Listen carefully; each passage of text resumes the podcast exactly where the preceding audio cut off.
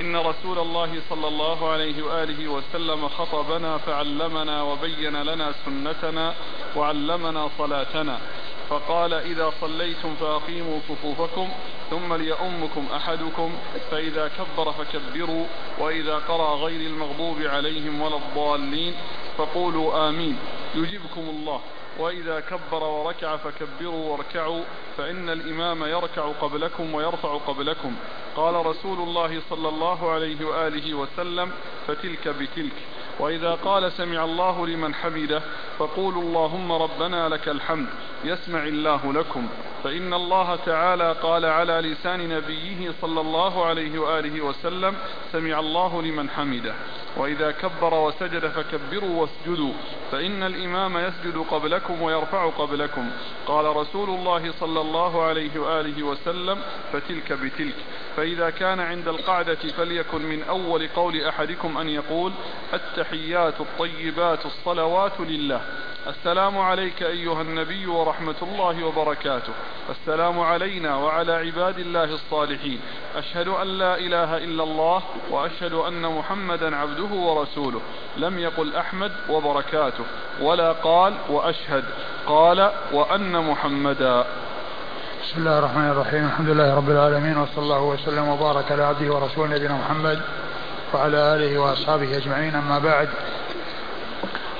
وقد مر في الدرس الماضي البدء بالتشهد وبيان صيغة وقد مر صيغة تشهد ابن مسعود رضي الله تعالى عنه وهو التحيات لله والصلوات والطيبات والسلام عليك أيها النبي ورحمة الله وبركاته. السلام علينا وعلى عباد الله الصالحين. أشهد أن لا إله إلا الله وأشهد أن محمدا عبده ورسوله. وكذلك مر تشهد ابن عمر رضي الله تعالى عنهما وهو التحيات لله والصلوات التحيات التحيات التحيات الطيبات الصلوات لله. السلام عليك أيها النبي ورحمة الله وبركاته. السلام علينا وعلى عباد الله الصالحين. أشهد أن لا إله إلا الله وأشهد أن محمدا عبده ورسوله. وفيه أن ابن عمر قال ليس في إني زدت وبركاته أي أنه زادها عن غيره من الصحابة. وكذلك بعد قوله أشهد أن لا إله إلا الله زاد وحده لا شريك له أي من غيره من الصحابة. ثم جاء ثم مر بنا في الدرس الماضي تشهد أبي موسى الأشعري وهو الذي اشتمل عليه هذا الحديث. وقد مر الكلام عليه في الدرس الماضي. مر الكلام على ما يتعلق بهذا الحديث في الدرس الماضي. وفيه أن تشهد آه، آه، أبي موسى الأشعري رضي الله عنه التحيات لله التحيات التحيات التحيات الصلوات الطيبات لله. السلام عليك أيها النبي ورحمة الله وبركاته. السلام علينا وعلى عباد الله الصالحين. أشهد أن لا إله إلا الله وأشهد أن محمدا عبده ورسوله. وهذا على رواية شيخه الأول شيخ أبي داود عمرو بن عون. فإن فإنه رواه تاما بهذه الصيغة. وأما شيخه الثاني وهو الإمام أحمد فإنه لم يقل فيه وبركاته في قوله السلام عليك أيها النبي ورحمة الله وليس فيه وأشهد قبل أن محمد رسول الله وإنما قال أي الإمام أحمد في رواية أبي داود عنه أشهد أن لا إله إلا الله وأن محمدا عبده ورسوله. لم يقل كلمة وأشهد. ورواية عمرو بن عون الأولى هي الأتم والأكمل وهي مطابقة للروايات السابقة من حديث آه، أبي مو من حديث عبد الله بن مسعود ومن حديث عبد الله بن عمر رضي الله تعالى عنهما. ثم فيه آه، آه، كون أبي موسى الأشعري رضي الله عنه لما سمع ذلك الرجل قال تلك الكلمة في صلاته وبعد أن فرغ من الصلاة سأل عنه حتى اهتدى إليه وقال إنه ما فعلها إلا يريد الخير وما أراد بها الخير. قال لهم أما تعلمون ما تقولون في صلاتكم؟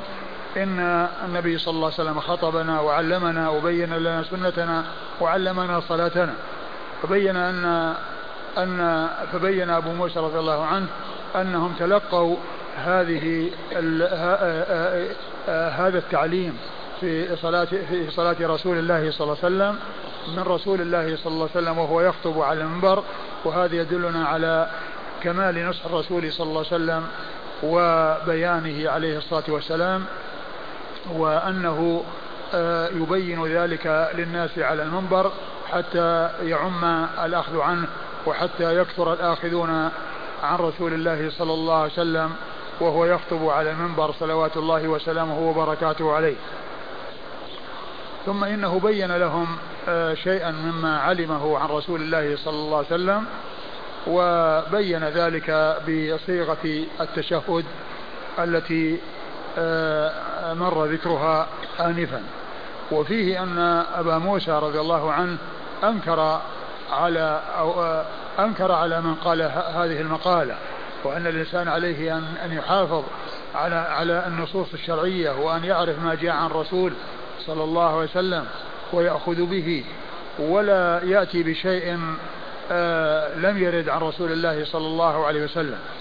وفيه أن كون آه أبي موسى ظن أن حطان آه ابن عبد الله الرقاشي هو الذي قالها يعني لأمر قد يكون ظهر له من أنه لشيء من شيء يعلمه عنه سابقا فأضاف إليه أو ظن أنه هو الذي قال تلك الكلمة. و وأن مثل ذلك لا يعتبر من الظن السوء وإنما هو شيء انقدح في ذهنه لعله لصفات كان يعرفها عن حطان أو لأمر كان يعرفه عن حطان فقال ما قال مع أن حطان لم يقلها. ثم أيضا حطان قال إنني لم أقلها وقد رهبت أن تبكعني بها. يعني قد خفت أنك تظن أنني آه، صاحبها. ولعل آه، حطان آه، فهم ذلك من كونه كان ينظر إليه وهو يخاطب الناس ويردد عليهم الكلام.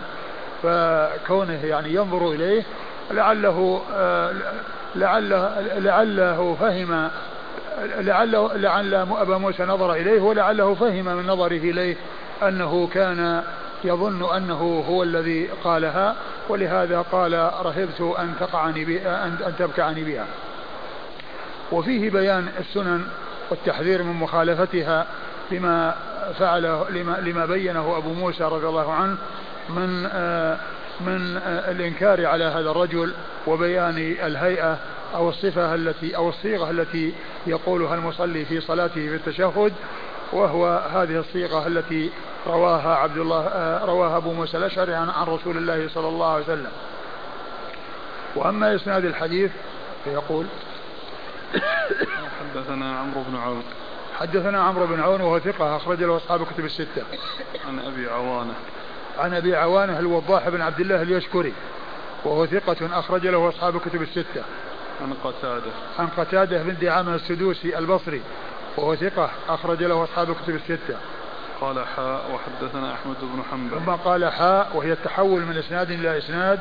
حدثنا أحمد بن حنبل أحمد بن محمد بن حنبل الشيباني الإمام المشهور المعروف أحد أصحاب المذاهب الأربعة من مذاهب أهل السنة وحديثه أخرجه أصحاب الكتب الستة. عن يحيى بن سعيد. عن يحيى بن سعيد عن يحيى بن سعيد الأنصاري يحيى بن سعيد الأنصاري المدني وهو ثقة أخرج له أصحاب الكتب الستة. أحمد بن حنبل يروي عن يحيى بن سعيد. ها؟ من هو؟ أحمد بن حنبل عن لا نعم عن عن عن يحيى بن سعيد القطان. يحيى بن سعيد القطان الذي يروي عن الإمام أحمد هو يحيى بن سعيد القطان وهو متأخر عن يحيى بن سعيد الأنصاري. وهذا إسناد آخر. الإمام أحمد يروي عن يحيى بن سعيد القطان وهو إسناد آخر يعني غير الإسناد الأول. ويحيى بن سعيد القطان البصري ثقة أخرجه أصحاب الكتب الستة. عن هشام عن عن هشام عن قتادة عن هشام بن أبي عبد الله الدستوائي وهو ثقة أخرج له أصحاب الكتب الستة. عن قتادة عن قتادة وقد مر ذكره عن يونس بن جبير عن يونس بن جبير وهو ثقة أخرج له أصحاب الكتب وهو ثقة أخرج له أصحاب الكتب الستة. عن حطان بن عبد الله الرقاشي. عن حطان بن عبد الله الرقاشي وهو ثقة أخرج له مسلم وأصحاب السنن. وهو ثقة أخرج له مسلم وأصحاب السنن. عن أبي موسى الأشعري وهو عبد الله بن قيس الأشعري رضي الله عنه مشهور بكنيته ونسبته واسمه عبد الله واسم أبيه قيس وهو من أصحاب رسول الله صلى الله عليه وسلم وحديثه أخرجه أصحاب الكتب الستة قال حدثنا عاصم بن النضر قال حدثنا المعتمر قال سمعت أبي قال حدثنا قتادة عن أبي غلاب يحدث عن حطان بن عبد الله الرقاشي بهذا الحديث زاد فإذا قرأ فأنصتوا. وقال في التشهد بعد أشهد أن لا إله إلا الله زاد وحده لا شريك له. قال أبو داود وقوله فأنصتوا ليس بمحفوظ لم يجئ به إلا سليمان التيمي في هذا الحديث. ثم ورد أبو داود حديث أبي موسى الأشعري الذي الذي اشتمل على التشهد الذي جاء عن أبي موسى الأشعري من طريق أخرى وهو مثل الذي قبله إلا أن إلا أنه قال في آه، وصفه للصلاة وإذا قرأ فأنصتوا وإذا قرأ فأنصتوا. وفيه بعد قوله أشهد أن لا إله إلا الله وحده لا شريك له. يعني من هذه الطريق طريق آه، سليمان التيمي آه، عن قتادة أنه قال بعد قوله أشهد أن لا إله إلا الله وحده لا شريك له. يعني مثل ما جاء في حديث ابن عمر أو تشهد ابن عمر الذي فيه بعد أشهد أن لا إله إلا الله قال قال وحده لا شريك له. فيعني فهو مثل الذي قبله في هذا الحديث وبالصفة التي تقدمت فيما يتعلق بصفة الصلاة للنبي صلى الله عليه وسلم وفيما يتعلق بصفة التشهد إلا أن سليمان التيمي زاد في هذه الطريق في صفة الصلاة وإذا قرأ فأنصتوا. وزاد في صفة التشهد بعد قوله أشهد أن لا إله إلا الله زاد وحده لا شريك له. وحده لا شريك له. وحده لا شريك له آه ثابتة. يعني آه من طريق عبد الله بن عمر في التشهد المتقدم. وأيضا في هذا الطريق أيضا هي ثابتة من طريق سليمان التيمي. ثم قال أبو داود قوله وإذا قرأ فأنصتوا هذه ليست محفوظة. زادها سليمان التيمي عن قتادة في هذا بهذا الحديث. وقوله أنها غير محفوظة آه الإمام مسلم رحمه الله لما يعني آه آه ذكرت أو ذكرها له يعني آه أحد أحد الرواة عنه قال إنها صحيحة. قال لماذا لم تضعها في كتابك؟ قال ليس كل صحيح صحيح عندي وضعته ها هنا لأنه لم يشترط أن أن يخرج كل صحيح ولكنه اعتبرها صحيحة. وهي وهو وهذا الكلام دال على أن مسلما رحمه الله لم يشترط أن يخرج كل صحيح. وهذه الرواية يصححها ويقول أنها صحيحة ومع ذلك لم يدخلها في الصحيح. ولما سئل عن عدم إدخالها بين السبب وقال إنه إنني آه ليس إنه ليس كل صحيح أدخلته ها هنا أي وضع أو وضعته ها هنا أي في هذا الكتاب. لأنه إنما ذكر جملة كبيرة من الأحاديث الصحيحة ولم يستوعب. ولهذا يقول آه، آه، ابن الصلاح في في في معرفة علوم الحديث أو في علوم الحديث يقول عن صاحبه الصحيح لم يستوعب الصحيح ولم يشترط ذلك. لم يشترط على أنفسهم أن يستوعبا. لم يستوعب حتى يقال أن أن أن, أن, أن يعني فاتهما شيء فإنهما لم يستوعبا. ولا اشترط ذلك حتى يقال أنهم نسوا وأنهم خلوا بالشرط فهم لم يستوعبوا فعلا ولم يلزموا أنفسهم بالاستيعاب حتى يعترض عليهم. ولهذا يعني الكلام الذي يأتي عند الحاكم صحيح على شرط الشيخين ولم يخرجاه الإلزام ليس بلازم لأنه ليس لأنهما ليس ملتزمان بإخراج كل صحيح. فكم من حديث صحيح لا وجود له في الصحيحين؟ وكم من رجل ثقة لا وجود له في رجال الصحيحين. وكم من من ثقة لا وجود له في رجال الصحيحين. فهما لم يستو... يلتزم الإخراج لكل حديث صحيح ولم أيضا يلتزم أن يخرج عن كل ثقة. فكثير من الثقات ما خرجوا عنهم وكثير من الأحاديث الصحيحة ما خرجوها في صحيحيهما. وإذا فهذا الحديث أو هذه الزيادة التي جاءت في حديث أبي موسى هذا هي مما اعتبره مسلم من قبيل الصحيح ولكنه لم يدخله في صحيحه لكونه لم يلتزم أن يخرج كل حديث صحيح. ثم أيضا هذه الزيادة ثقة فتكون مقبولة لأنها بمثابة الحديث المستقل وهي قوله وإذا قرأ فأنصته. ومن المعلوم أنه قد جاء ما يدل عليها ما يدل عليها من كتاب الله وإذا قرئ القرآن فاستمعوا له وأنصتوا لعلكم ترحمون. ومن سنة رسول الله صلى الله عليه وسلم أنه آه أنه قال آه آه لا تقرأوا إلا بفاتحة الكتاب. يعني معناه أنهم عندما يسمعون القراءة فإنهم ينصتون ولكن فاتحة الكتاب هي التي يقرؤونها ولو كان الإمام يقرأ ولو كان الإمام يقرأ كما عرفنا ذلك آه، من قبل.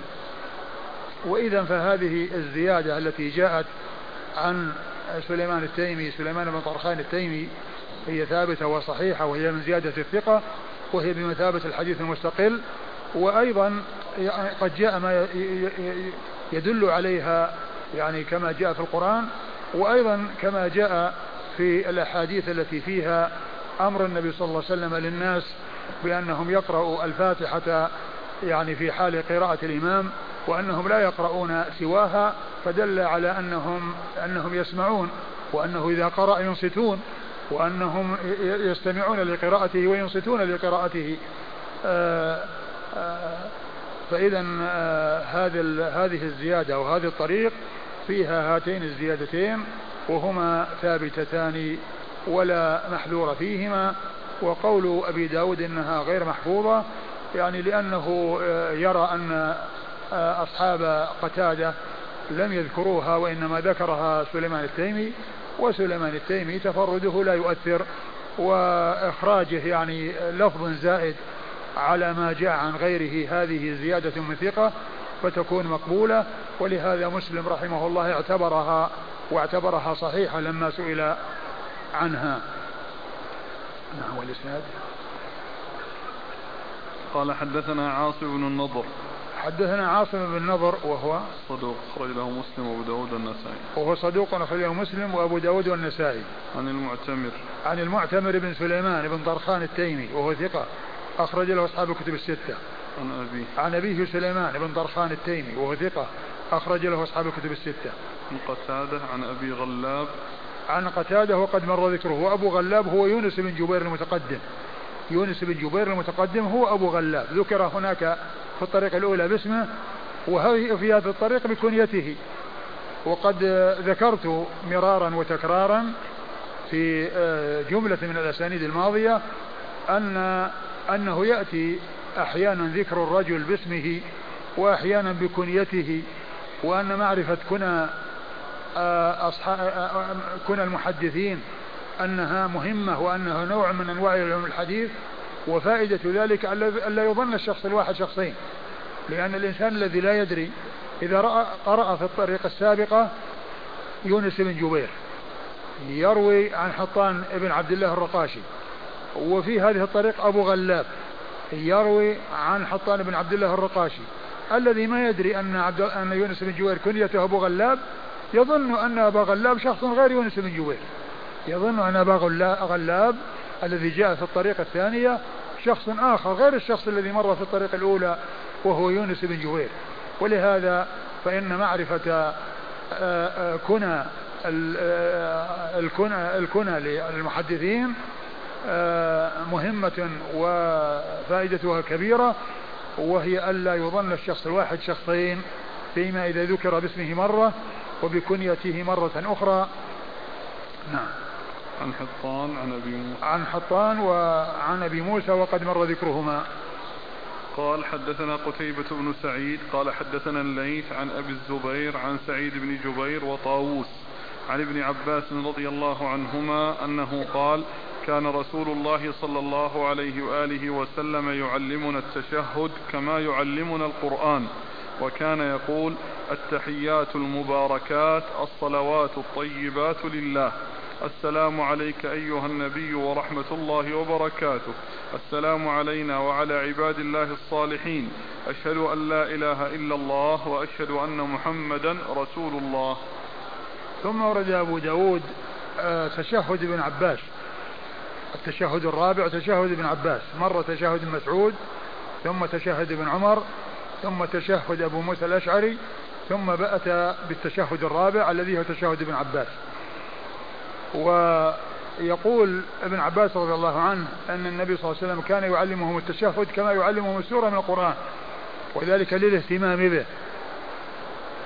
وذلك للاهتمام به وكونه يريد منهم أن يحفظوه ويعوه فكان يعلمهم ألفاظه كما يعلمهم السورة من القرآن وذلك للاهتمام به منه صلى الله عليه وسلم.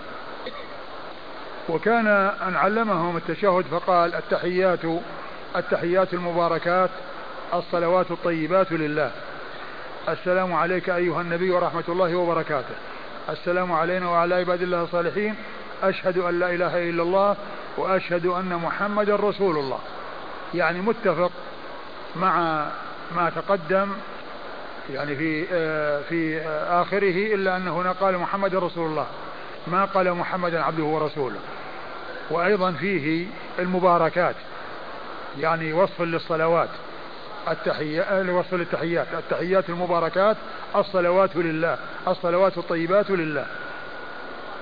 ففيه زيادة المباركات يعني وصف للتحيات أو أنها يعني آه، لفظ مستقل إذا كانت الأمور الكلمات متعاطفة وليس بعضها يعني صفة لبعض. وعلى هذا فهذا نوع من أنواع التشهد التي ثبتت عن رسول الله صلى الله عليه وسلم. أنواع التشهد التي ثبتت عن رسول الله صلى الله عليه وسلم آه هذا رابعها الذي هو تشهد ابن, آه ابن عباس رضي الله تعالى عنهما. نعم. قال حدثنا قتيبة بن سعيد. حدثنا قتيبة بن سعيد بن جميل بن طريف البغلاني ثقة أخرج له أصحاب الكتب الستة. عن الليث. عن الليث بن سعد المصري ثقة فقيه. أخرج له أصحاب الكتب الستة. عن أبي الزبير. عن أبي الزبير وهو محمد بن مسلم بن تدرس. آآ آآ صدوق أخرج له أصحاب الكتب الستة. عن سعيد بن جبير. عن سعيد بن جبير وهو ثقة أخرج له أصحاب الكتب الستة. وطاووس. وطاووس بن كيسان وهو ثقة أيضا أخرج له أصحاب الكتب الستة. عن ابن عباس. عن عبد الله بن عباس بن عبد المطلب ابن عم النبي صلى الله عليه وسلم. وهو أحد العباد له الأربعة من الصحابة وأحد السبعة المعروفين بكثرة الحديث عن النبي صلى الله عليه وسلم من أصحابه الكرام رضي الله تعالى عنهم وأرضاهم.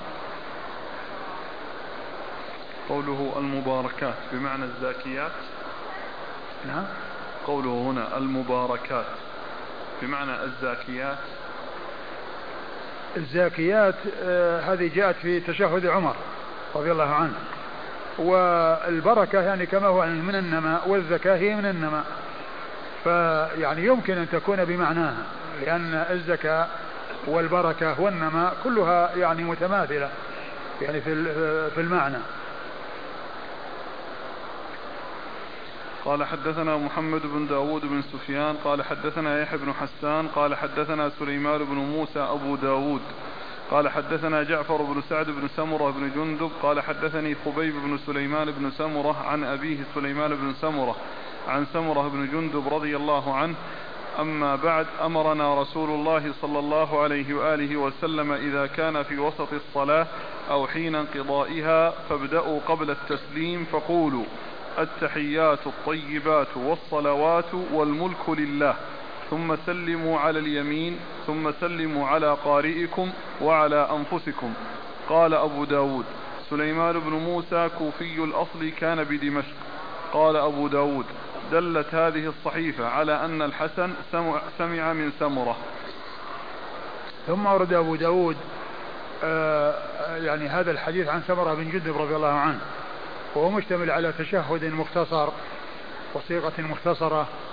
ولكن هذا التشهد غير ثابت عن رسول الله صلى الله عليه وسلم. هذا التشهد غير ثابت والحديث غير صحيح عن رسول الله صلى الله عليه وسلم وهو مشتمل على هذه الصيغة المختصرة التحيات الطيبات. نعم والصل... التحيات الطيبات. نعم والصلوات والملك لله. والتحيات الطيبات والصلوات والملك لله. هذا هو التشهد الذي جاء في عن سمرة بن جندب في هذا الحديث. ولكن الحديث غير ثابت عن رسول الله صلى الله عليه وسلم وإنما الذي ثبت هو الأربعة المتقدمة التي هي متقاربة وأكملها تشهد ابن مسعود رضي الله تعالى عن الجميع. وهناك تشهد الرابع وهو لعمر رضي الله عنه وأنه كان يعلم الناس التشهد على المنبر وهو يخطب ويقول قولوا. التحيات الزاكيات الطيبات الصلوات لله. التحيات الزاكيات الصلوات الطيبات لله. السلام عليك أيها النبي ورحمة الله وبركاته. السلام علينا وعلى عباد الله الصالحين.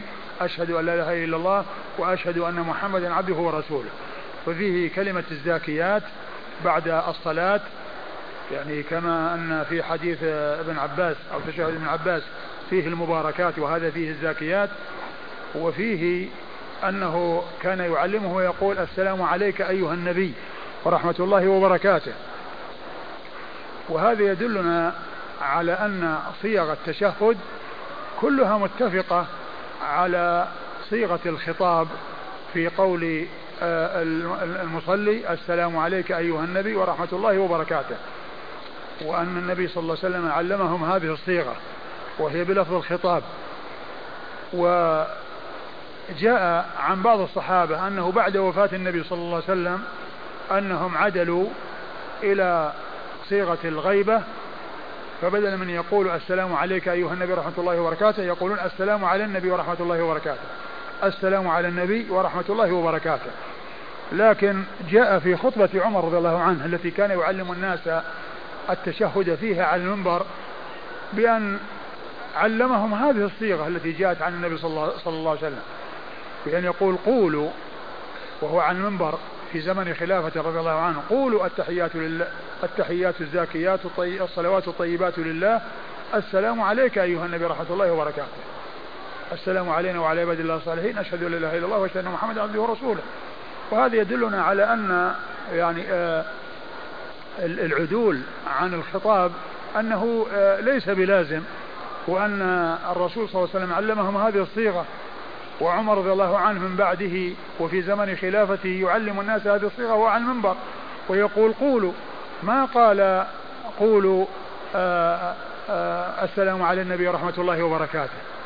وهو هو الذي يخاطبهم بهذا الكلام وهو ولا ولا يضيف ذلك إلى رسول الله صلى الله عليه وسلم ولكن له حكم الرفع لأن مثل هذا لا يقال من قبل الرأي وكونه يعني يقول لهم آه، يقول يقول لهم فيما يقول السلام عليك أيها النبي ورحمة الله وبركاته دل على أن العدول عن الخطاب أنه ليس بلازم وأنه ليس بمتعين وأن ما حصل من بعض الصحابة هو اجتهاد منهم وعمر رضي الله عنه هذا من تعليمه وهو على المنبر وهو على المنبر والناس يسمعون والذين يسمعون كثيرون وما يعني جاء شيء يدل على الاعتراض عليه في ذلك فدل هذا على أن مثل هذه الصيغة والاستمرار عليها أنه لا بأس به.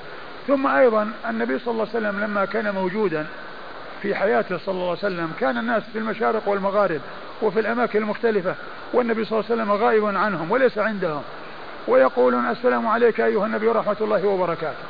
السلام عليك أيها النبي ورحمة الله وبركاته. فدلنا هذا على أن من فعل ذلك من الصحابة رضي الله عنهم وأرضاهم بأن عدل من صيغة الخطاب إلى صيغة الغيبة أن هذا باجتهاد منهم وأن غير وأن المحافظة على اللفظ الذي علم النبي صلى الله عليه وسلم إياه وكان ذلك بصيغ التشهد الخمس الثابتة عن رسول الله صلى الله عليه وسلم وتشهد ابن مسعود تشهد ابن عمر وتشهد أبو موسى وتشهد ابن عباس وتشهد عمر بن الخطاب. هذه الصيغ الخمس كلها فيها السلام عليك أيها النبي ورحمة الله وبركاته. وعمر رضي الله عنه كان يعلم ذلك على المنبر. فدل هذا على أن البقاء على هذا اللفظ أنه لا بأس به ولا محذور منه وفيه محافظة على الأصل وإبقاء إبقاء على الأصل الذي جاء عن رسول الله صلوات الله وسلامه وبركاته عليه. آه نعم الإسناد. قال حدثنا محمد بن داود بن سفيان. محمد بن داود بن سفيان مقبول أخرج حديثه آه، أبو داود وحده. عن يحيى بن حسان. عن يحيى بن حسان وهو ثقة. نعم أخرج له. أصحاب الكتب إلا ابن ماجه. أخرجه أصحاب الكتب الستة إلا ابن ماجه. عن سليمان بن موسى أبو داود. عن سليمان بن موسى أبو داود وهو مقبول أخرج حديث أبو داود. فيه لين. فيه لين أخرج حديث أبو داود. عن جعفر بن سعد بن سمرة بن جندب. عن جعفر بن سعد بن سمرة بن جندب وهو مقبول أخرج حديثه أبو داود. آه ليس بالقوي. ليس بالقوي نعم. ليس بالقوي أخرج حديثه أبو داود. عن خبيب بن سليمان بن سمرة. عن خبيب بن سليمان بن سمرة هو مجهول أخرج حديثه أبو داود.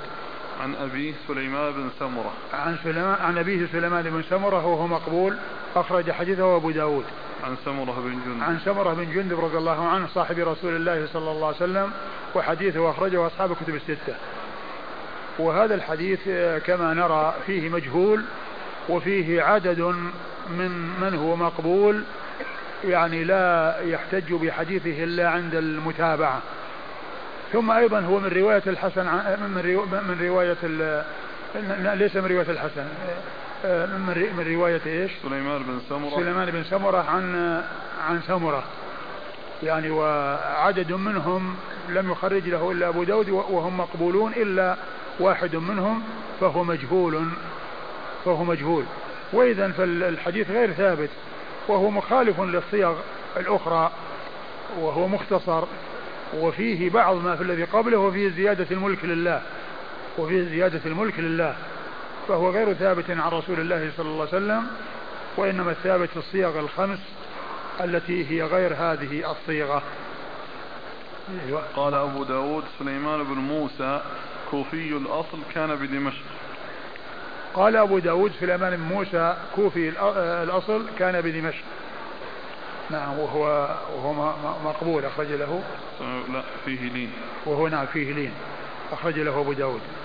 نعم. قال أبو داود دلت هذه الصحيفة على أن الحسن سمع, سمع من سمرة. قال أبو داود دلت هذه الصحيفة على أن الحسن سمع من سمرة. آه هذا الكلام الذي قاله أبو داود رحمه الله يعني قيل في معناه أن سليمان آه الذي يروي عن سمرة سليمان بن سمرة. سليمان بن سمرة أنه في طبقة الحسن. أنه في طبقة الحسن. ويعني وإذا كان من طبقة الحسن ف يعني فهو مثل الحسن. يعني الحسن سمع وهذا سمع. والمق... والواقع أن الحسن سمع من سمرة في الجملة. وقد سمع منه حديث العقيقة وهو في البخاري جاء ذلك في صحيح البخاري. فالسماع هو سامع منه وقد أدركه ولقيه وسمع منه. لكن الشأن في في السماع مطلقا. ليس في مجرد السماع مجرد السماع ثابت في صحيح البخاري. مجرد السماع هو ثابت في صحيح البخاري. ولكن الشأن في السماع مطلقا يعني غير حديث العقيقة الذي جاء في صحيح البخاري الذي جاء ذكره في صحيح البخاري. وكونه سمع من سمرة سمع من سمرة نعم هو سمع من سمرة ولكن في الجملة ليس كل شيء سمعه من سمرة أو كل ما جاء عن الحسن يعني أنه سمعه من سمرة يعني يرويه عن سمرة أنه سمع منه لأن الحسن مدلس والمدلس يعني يحذف بينه وبين يروي عنه إذا روى بالعنعنة أو قال إذا روى بالعنعنة أو قال فإنه يكون فيه انقطاع ويحتمل الانقطاع. فكون الحسن سمع من سمرة نعم هو سمع في الجملة ولكن الشأن هو في السماع المطلق الذي أن يكون سمع مطلقا. هذا هو الذي يحتاج إلى إثبات والحديث هذا لا يدل عليه. يدل على مجرد السماع لكون هذا عاصر هذا وهذا سماعه ثابت بدون هذه المقارنة أو هذه المقايسة. وذلك موجود في صحيح البخاري. سمع حديث العقيقة. فمجرد السماع وأصل السماع ثابت وإنما الخلاف في السماع المطلق. السماع المطلق يعني كونه سمع مطلقا وأن ما يرويه عنه فهو مسموع له. على أنه كما عرفنا مدلس والمدلس يحتاج إلى التصريح بالسماع والذي جاء مصرحا فيه بالسماع هو حديث العقيقة وال وقد والحافظ نقل عنه أنه قال لم يتبين لي يعني وجه هذه الدلالة. يعني كل حسن سمع من سمرة يعني بهذا الكلام أو في هذا الحديث. وكما قلت بعض العلماء ذكره بالمقابلة والمقارنة لأن هذا في الطبقة الثالثة وهذا في الطبقة الثالثة وكل منهم أدرك آه، ثمرة. لكن ليس القضية قضية إدراك لأن قضية الإدراك هي ثابتة من غير هذا الحديث ثابتة في حديث العقيقة. نعم. فيه فائدة. في فائدة. وقع في بعض النسخ الخطية لأبي داود. وحدثنا جعفر بن سعد بن سمرة بن جندب قال حدثني الحسن قال سمعت سمرة بن جندب يقول في خطبته أما بعد. يعني في هذا الحديث؟ إيه؟ وين وين هذا فيه؟ في النسخ الخطية لأبي داود. هذا نقلها محمد عوام. أيوة. نقل محمد عوام. أيوة. يقول في التعليق لشيخنا مولانا محمد زكريا الكاندهلوي رحمه الله على كتاب شيخه بذل المجهود نقلا عن الشيخ حسين عرب اليمني البهبالي أنه وقع في بعض النسخ الخطية لأبي داود. بس أين هذه النسخ؟ أين هذا النسخ؟ وأي وأين يعني توجد؟ ثم أيضا آه، القضية آه، يعني قضية التصريح بالسماع. السماع ما عرف أنه صرح بالسماع إلا في حديث العقيقة اللي هو الحسن بن سمرة. ثم أيضا لو ثبت يعني من هذه الطريق فالحديث نفسه يعني فيه ال ال الأشخاص المتكلم فيهم في إسناده. قال رحمه الله تعالى باب الصلاة على النبي صلى الله عليه وآله وسلم بعد التشهد. قال حدثنا حفص بن عمر قال حدثنا شعبة عن الحكم عن ابن أبي ليلى عن كعب بن عجرة رضي الله عنه أنه قال قلنا أو قالوا يا رسول الله أمرتنا أن نصلي عليك وأن نسلم عليك فأما السلام فقد عرفناه فكيف نصلي عليك؟ قال قولوا اللهم صل على محمد وآل محمد كما صليت على إبراهيم وبارك على محمد وآل محمد كما باركت على آل إبراهيم إنك حميد مجيد. ثم ورد أبو داود رحمه الله بعد الفراغ من الكلام على التشهد وبيان صيغه من الطرق المختلفة بدأ بالصلاة على النبي صلى الله عليه وسلم بعد التشهد في الصلاة. الصلاة على النبي صلى الله عليه وسلم بعد التشهد في الصلاة بدأ بالكلام عليها وأورد فيها جملة من الأحاديث. أولها حديث آه، كعب بن عجرة رضي الله عنه. وقد جاءت صفة آه، الصلاة على النبي صلى الله عليه وسلم في التشهد بصيغ مختلفة عن كعب بن عجرة وعن غيره من الصحابة. ومنها ما هو في الصحيحين ومنها ما هو في أحدهما ومنها ما هو خارج الصحيحين. وحديث كعب بن عجرة أخرجه صاحب الصحيح وورد بصيغ متعددة. ورد بهذه الصيغة التي أوردها أبو داود هنا وهي اللهم صل على محمد وآل محمد كما صليت على إبراهيم وبارك على محمد وآل محمد كما باركت على آل إبراهيم. كما باركت على آل إبراهيم. نعم. إنك حميد مجيد ولا ما في إنك حميد بلى بلى. إنك حميد مجيد. إنك حميد مجيد. يعني ففيها الجمع بين النبي صلى الله عليه وسلم وآله الجمع بين نبينا محمد صلى الله عليه وسلم وآله وفي الصلاة ذكر إبراهيم بدون آله وفي ذكر البركة ذكر آل إبراهيم بدون بدون إبراهيم ذكر آل إبراهيم بدون إبراهيم. يعني فجمع فيها بين النبي محمد صلى الله عليه وسلم وآله في الصلاة والبركة الدعاء بالصلاة والدعاء بالبركة. جمع بين النبي صلى الله عليه وسلم وآله وفي وبالنسبة لإبراهيم أتي به دون آله في الصلاة وأتي بآل إبراهيم دون إبراهيم في البركة أو الدعاء بالبركة. وقد جاء حديث كعب بن عجرة. وقد جاء حديث كعب بن عجرة في الصحيح في صحيح البخاري بلفظ أكمل وأتم من هذا وهو الجمع بين النبي محمد صلى الله عليه وسلم وآله وبين إبراهيم صلى الله عليه وسلم وآله في الدعاء بالصلاة والدعاء بالبركة. حيث قال فيه اللهم صل على محمد وعلى آل محمد كما صليت على إبراهيم وعلى آل إبراهيم. إنك حميد مجيد. فجمع فيه جمع فيه في كل من الدعاء بالصلاة والبركة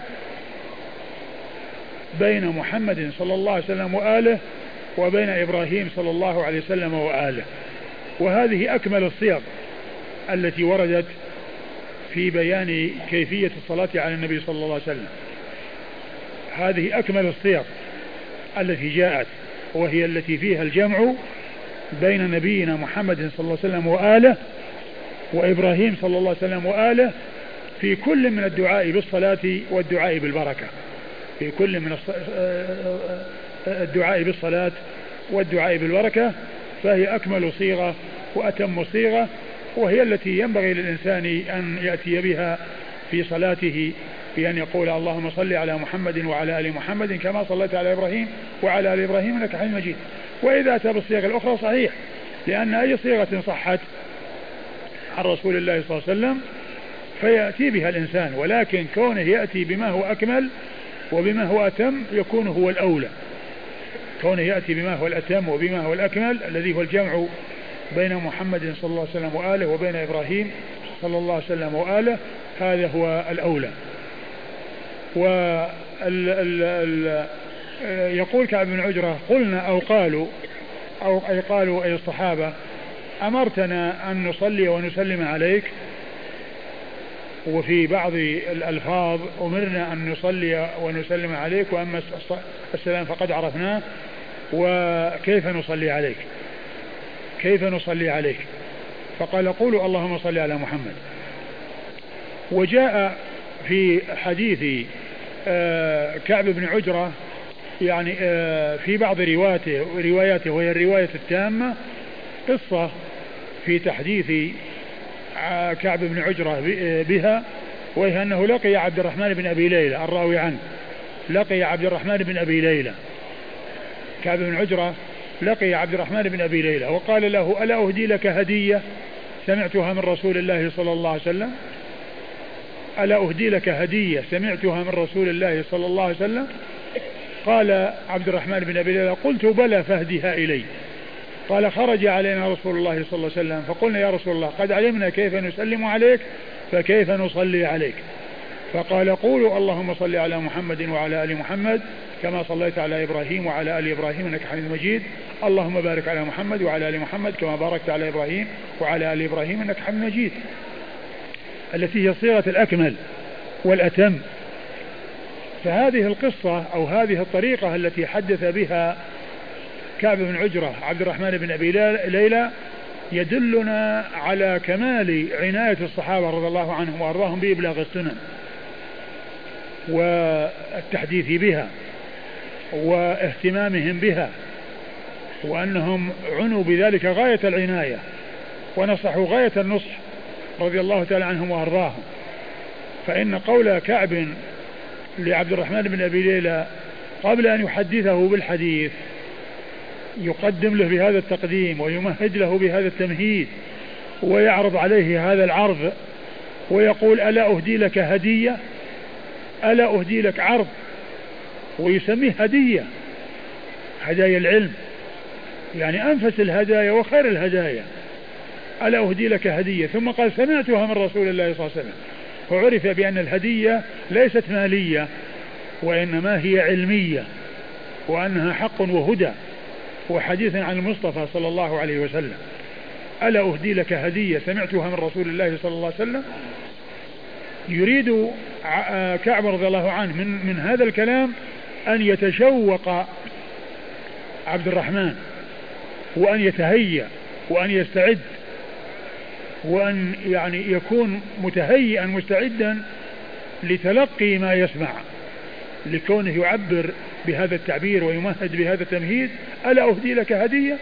سمعتها من رسول الله صلى الله عليه وسلم؟ قال عبد الرحمن قلت بلى. لا شك أن ما سمع هذا الكلام يعني أعجبه وأن وراءها الهدية شيء نفيس وأن يعني أمر مهم. فبادر وقال قلت بلى فاهدها إلي هات هات ما عندك. فحكى هذه القصة وهي أن النبي صلى الله عليه وسلم خرج عليهم وقالوا قد علمنا كيف نسلم عليك فكيف نصلي عليك؟ لأن الأمر حصل من الله عز وجل بقوله يا أيها الذين آمنوا صلوا عليه وسلموا تسليما. يعني الأمر بالصلاة والسلام على النبي صلى الله عليه وسلم قد جاء في القرآن إن الله وملائكته يصلون على النبي يا أيها الذين آمنوا صلوا عليه وسلموا تسليما. وقال علمنا كيف نسلم عليك؟ لأنه علمهم التشهد. السلام عليك أيها النبي رحمة الله وبركاته. وجاء في بعض الروايات في بعض الأحاديث في المتعلقة بالتشهد كيف نصلي علي نصلي عليك إذا إذا إذا صلينا عليك في إذا كيف نصلي عليك إذا صلينا في صلاتنا؟ يعني يعني معنى بعد التشهد. لأن السلام عرفوه وقد تقدم يعني ذكره بالتشهد فإذا يؤتى بالصلاة التي ليس معها سلام لأنها جمعت إلى السلام الذي قبلها. لكن الإنسان إذا كان يصلي على النبي صلى الله عليه وسلم في غير الصلاة فيجمع بين الصلاة والسلام عليه صلى الله عليه وسلم ولا يأتي بالصلاة وحدها. فيقول يعني ب إن أتى بالصيغة الإبراهيمية الصلاة الإبراهيمية اللهم صل على محمد اللهم صل على محمد وعلى آل محمد كما صليت على إبراهيم وعلى آل إبراهيم إنك حميد اللهم بارك على محمد وعلى آل محمد كما باركت على إبراهيم وعلى آل إبراهيم إنك حميد وسلم تسليما كثيرا. يعني يأتي بالتسليم يعني مضافا إلى الصلاة إذا كان في غير الصلاة. أما إذا كان في الصلاة فهو سيأتي بالتشهد الذي فيه السلام عليك أيها النبي ورحمة الله وبركاته وبذلك يكون جمع بين الصلاة والسلام عليه صلى الله عليه وسلم. يكون جمع بين الصلاة والسلام عليه صلى الله عليه وسلم. قوله صلى الله عليه وسلم في الحديث اللهم صل على محمد. اللهم هذه آه، معناها آه، معناها يا اللهم. يا الله يا الله. اللهم معناها يا الله. حذفت ياء النداء وعوض عنها الميم المشددة في الآخر. لأن الميم المشددة في الآخر عوض عن ياء التي قبل النداء قبل المنادى يا الله. يا الله صل على محمد. لأن معنى اللهم يا الله صل على محمد. لأن الميم عوض عن عن ياء. ولهذا لا يجمع بين العوض والمعوض. بأن يقال يا اللهم يا اللهم لأن الميم عوض عن ياء فلا يجمع بين العوض والمعوض فإذا جاء المعوض ما يأتي العوض وإذا ذهب المعوض جاء العوض. فإما أن يقال يا الله وإما أن يقال اللهم. وأما أن يقال يا اللهم فهذا لا يقال. ويقول ابن مالك في الألفية والأكثر اللهم بالتعويض وشذ يا اللهم في قريضي. يعني في الشعر. يعني جاء في الشعر شذوذا في الشعر. وإلا فإنه لا يجمع بين العوض والمعوض.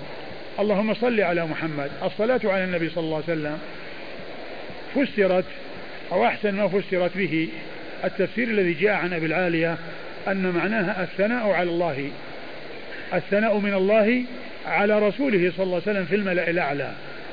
الثناء على الله الثناء من الله على رسوله عليه الصلاة والسلام في الملأ الأعلى. هذا هو معنى صلاة الله على نبيه صلى الله عليه وسلم. صلاة الله على نبيه محمد صلى الله عليه وسلم أن يثني عليه ويعظمه ويبين عظيم منزلته عند الملائكة في الملأ الأعلى. هذا هو أحسن ما قيل في معنى صلاة صلاة الله على نبيه محمد صلى الله عليه وسلم. اللهم صل على محمد وآل محمد. وهنا قال اللهم صل على محمد. ليس فيه ذكر سيدنا وهو سيدنا وسيد البشر وسيد الخلق أجمعين. ولو كانت هذه الكلمة مطلوبة في التشهد ومطلوبة في الصلاة على النبي صلى الله عليه وسلم لبينها الرسول الكريم صلى الله عليه وسلم. لأنه يبين الألفاظ والصيغ التي يتعبد الله بها. فلو كان يضاف إليها هذا الوصف للنبي صلى الله عليه وسلم لبين ذلك رسول الله عليه الصلاة والسلام. وحيث لم يبينه النبي عليه الصلاة والسلام فإنه لا يضاف إليه شيء آخر. وإنما يقتصر على الصيغة الواردة كما أن الصيغ التي وردت في الأذان يقتصر عليه. أشهد أن محمد رسول الله دون أن يضاف إليها سيدنا محمد رسول الله. وهو سيدنا وسيد البشر وسيد الخلق أجمعين عليه الصلاة والسلام. لكن الشأن الوقوف عند الحدود. وإطلاق السيد على الرسول صلى الله عليه وسلم هو أحق البشر بذلك. أحق البشر بذلك صلى الله عليه وسلم. وقد قال أنا سيد الناس يوم القيامة. أنا سيد الناس يوم القيامة. وقال أنا سيد ولد آدم يوم القيامة سيد ولد آدم ولا فخر. لما كان عليه الصلاة والسلام هو آخر الرسل وليس هناك رسول يأتي بعده يبين عظيم منزلته عند الله. بين ما يجب له صلى الله عليه وسلم. لأن الرسل السابقين يأتي رسل بعدهم يبينون منازلهم مثل ما كان في حق نبينا محمد عليه الصلاة والسلام. يبين منزلة إبراهيم وموسى وعيسى ويبين أخبارهم وما يلزم لهم. أما نبينا محمد صلى الله عليه وسلم ما في نبي بعده حتى يأتي يبين عظيم منزلته عليه الصلاة والسلام. فهو بين. بين عليه الصلاة والسلام. قال أنا سيد الناس يوم القيامة. سيد الناس يوم القيامة. ثم بين السبب في ذلك مع أنه سيد الناس في الدنيا والآخرة. لكن نص على يوم القيامة. لماذا؟ لأن يوم القيامة هو الذي يظهر فيه السؤدد على الجميع من آدم إلى الذين قامت عليهم الساعة. بخلاف الدنيا فإن الدنيا يعني الذين لقوه والذين آه، آه، آه، اتصلوا بهم أصحابه وكذلك الذين أخذوا سنة من بعده. وأما كونه يعني يحسن إلى الجميع ويظهر سؤددها الجميع إنما يكون ذلك يوم القيامة. لهذا نص على يوم القيامة مع أنه عليه الصلاة والسلام سيد الناس في الدنيا والآخرة عليه الصلاة والسلام. ثم بين ذلك بأن الناس يجتمعون فيموج بعضهم في بعض ويبحثون عن من يشفع لهم إلى ربهم. ليخلصهم مما هم فيه من شدة الموقف فيأتون إلى آدم ويطلبون منه الشفاعة إلى الله عز وجل فيعتذر ويحيلهم إلى نوح ثم نوح يعتذر ويحيلهم إلى إبراهيم ثم إبراهيم يعتذر ويحيلهم إلى موسى وموسى يحيلهم إلى عيسى ويعتذر وعيسى يحيلهم إلى محمد صلى الله عليه وسلم ويعتذر ويأتون إلى نبينا محمد عليه الصلاة والسلام فيقول أنا لها ثم يتقدم ويشفع ويشفعه الله عز وجل ويأتي لفصل القضاء بين عباده وينصرف الناس يعني من المحشر. وهذا هو المقام المحمود الذي يحمده عليه الأولون والآخرون. قيل له المقام المحمود اللي هو الشفاعة العظمى لأنه يحمد عليه الأولون والآخرون من لدن آدم إلى الذين قامت عليهم الساعة. لأنهم كلهم اجتمعوا في مكان واحد وشفع لهم وحصلت لهم شفاعة النبي صلى الله عليه وسلم جميعا من آدم إلى الذين قامت عليهم الساعة. إذا ظهر سؤدده على الجميع وفضله على الجميع وإحسانه على الجميع بالشفاعة لهم في تخليصهم مما هم فيه من شدة الموقف. فلذلك قال عليه الصلاة والسلام أنا سيد الناس يوم القيامة. وعلى هذا فإطلاق السيد على الرسول صلى الله عليه وسلم يعني آه، لا بأس به ولكن كون الإنسان يلتزمه ويعني لا لا لا يأتي بذكر الرسول صلى الله عليه وسلم إلا قال سيدنا هذا ما جاء عن سلف هذه الأمة. الذي هم الذين هم خير الناس أصحاب الرسول صلى الله عليه وسلم. نقرأ نحن في الأحاديث. حدثنا فلان قال حدثنا فلان أن فلان الصحابي قال قال رسول الله ما قال؟ قال سيدنا رسول الله صلى الله عليه وسلم. هذه الأحاديث كثيرة نقرأها بالآلاف. ما فيها قال قال سيدنا رسول الله. هو سيدنا لكن استعمال هذه الألفاظ دائما وأبدا والإكثار منها ما فعله خير هذه الأمة الذين هم آه، أصحاب رسول الله صلى الله عليه وسلم ومن بعده. صحيح البخاري أكثر من سبعة آلاف حديث. مسلم كذلك. سنن أبي داود الكتب المختلفة. مسند الإمام أحمد أربعين ألف حديث. كل هذه الأحاديث الإنسان إذا قرأها قال قال رسول الله. صلى الله عليه وسلم. سمعت رسول الله صلى الله عليه وسلم كذا. أمر رسول الله صلى الله عليه وسلم بكذا. نهى رسول الله صلى الله عليه وسلم كذا. ما يقولون أمر سيدنا نهى سيدنا جئنا إلى سيدنا رسول الله. ما كانوا يقولون هذا. وهم خير الناس وأفضل الناس.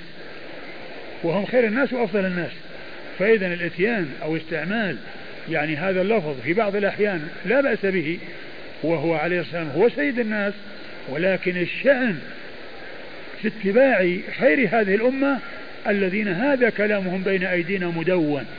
وقد سبق أن مر بنا أنهم في الأسانيد يبينون الفرق في عبارات بسيطة لا يترتب عليها آه، اختلاف في المعنى. كما يأتي في بعض الأحاديث عن فلان عن النبي صلى الله عليه وسلم والشخص الثاني قال لا عن رسول الله صلى الله عليه وسلم. هذا عبر بالنبي وهذا عبر بالرسول. وميزوا الفرق بين التعبيرين. يعني أحد الرواة عبر بإسناده بالنبي. سمعت النبي صلى الله عليه وسلم. والثاني يقول سمعت رسول الله صلى الله عليه وسلم يقول كذا. فينصون على أن هذا قال النبي وهذا قال الرسول. فلو كان هناك كلمة سيدنا موجودة لنبهوا عليها وأتوا بها ولا يحذفونها ولا يتركون شيئا مما قاله أصحاب رسول الله صلى الله عليه وسلم. وهم خير الناس وأنصح الناس وهم أنصح الناس بعد رسول الله صلى الله عليه وسلم لأنهم خير هذه الأمة بعد نبيها عليه الصلاة والسلام. وكذلك مر بنا قريبا الحديث الذي في آه، حديث المسيء صلاته. يعني فيه أن أحد الرواة قال آه، آه، أن أن أن الرسول صلى الله عليه وسلم قال كذا والثاني قال أن محمدا صلى الله عليه وسلم قال كذا. أن محمدا صلى الله عليه وسلم قال كذا. يعني معناه بين الفرق بين التعبيرين. أحد الرواة قال محمد صلى الله عليه وسلم نبيكم محمد صلى الله عليه وسلم والثاني قال أن رسول الله صلى الله عليه وسلم كذا. فالذين يعني يحافظون على الألفاظ ويبينون الفروق الدقيقة في أمور ما يترتب عليها اختلاف في المعنى. لأن إذا قيل قال محمد صلى الله عليه وسلم أو قال رسول الله صلى الله عليه وسلم النتيجة واحدة. ما في فرق بينها أو قال النبي صلى الله عليه وسلم أو قال رسول الله صلى الله عليه وسلم لا فرق بين هذا وهذا. كله كلام متماثل. ما يترتب عليه يعني فرق في المعنى. لكن هذه هذه يدل على العناية الفائقة والضبط الدقيق والإتيان بالألفاظ كما جاءت عن الرواة. كما جاءت عن الرواة.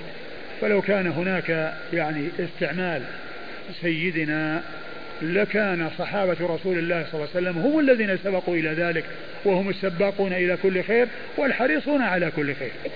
وهو سيدنا وسيد البشر وسيد الخلق أجمعين لكن الشأن هل نعبر كل ما جاء ذكر الرسول نقول سيدنا؟ الصحابة ما يفعلوا هذا وهذه الأحاديث موجودة عندنا. هذه الكتب بالآلاف موجودة ليس فيها شيء من هذا. وهم وهم رضي الله عنهم وأرضاهم السباقون إلى كل خير والحريصون على كل خير رضي الله تعالى عنهم وأرضاهم.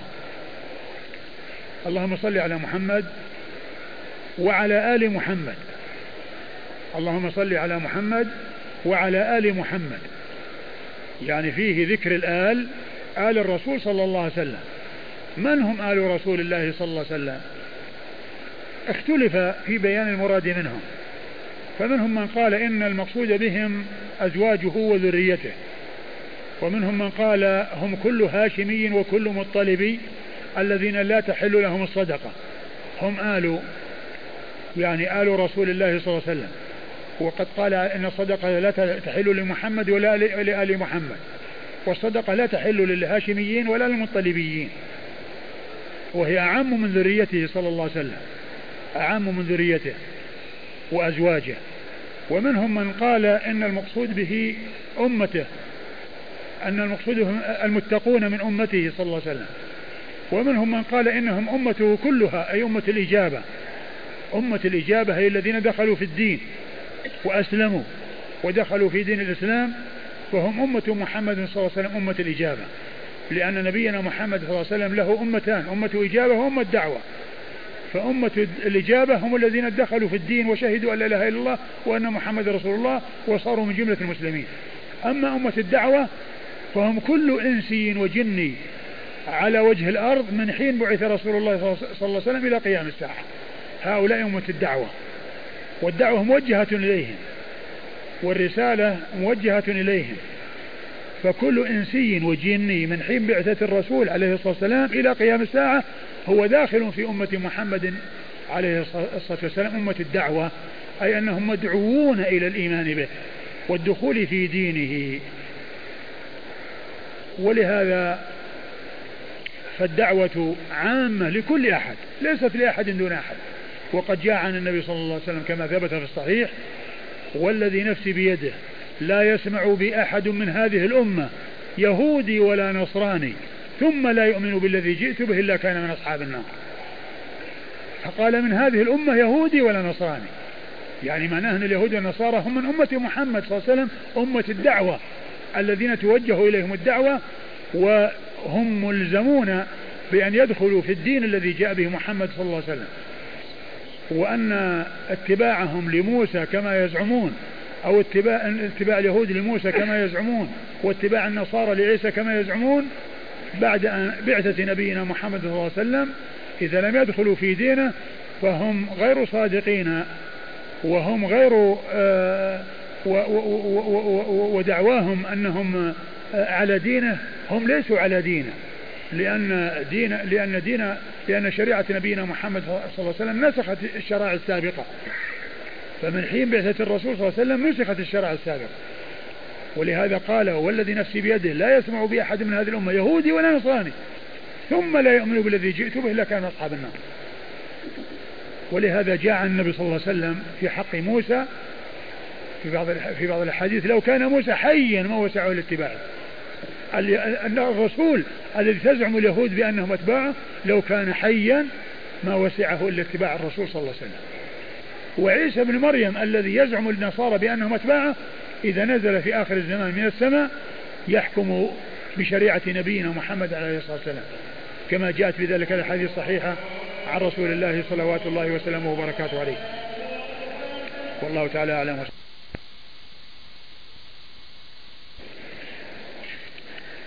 بسم الله الرحمن الرحيم. الحمد لله رب العالمين والصلاة والسلام على عبد الله ورسوله نبينا محمد وعلى آله وصحبه أجمعين. أما بعد يقول يوجد شاب عمره عشرون عاما وهو يعمل مع أبيه طوال اليوم.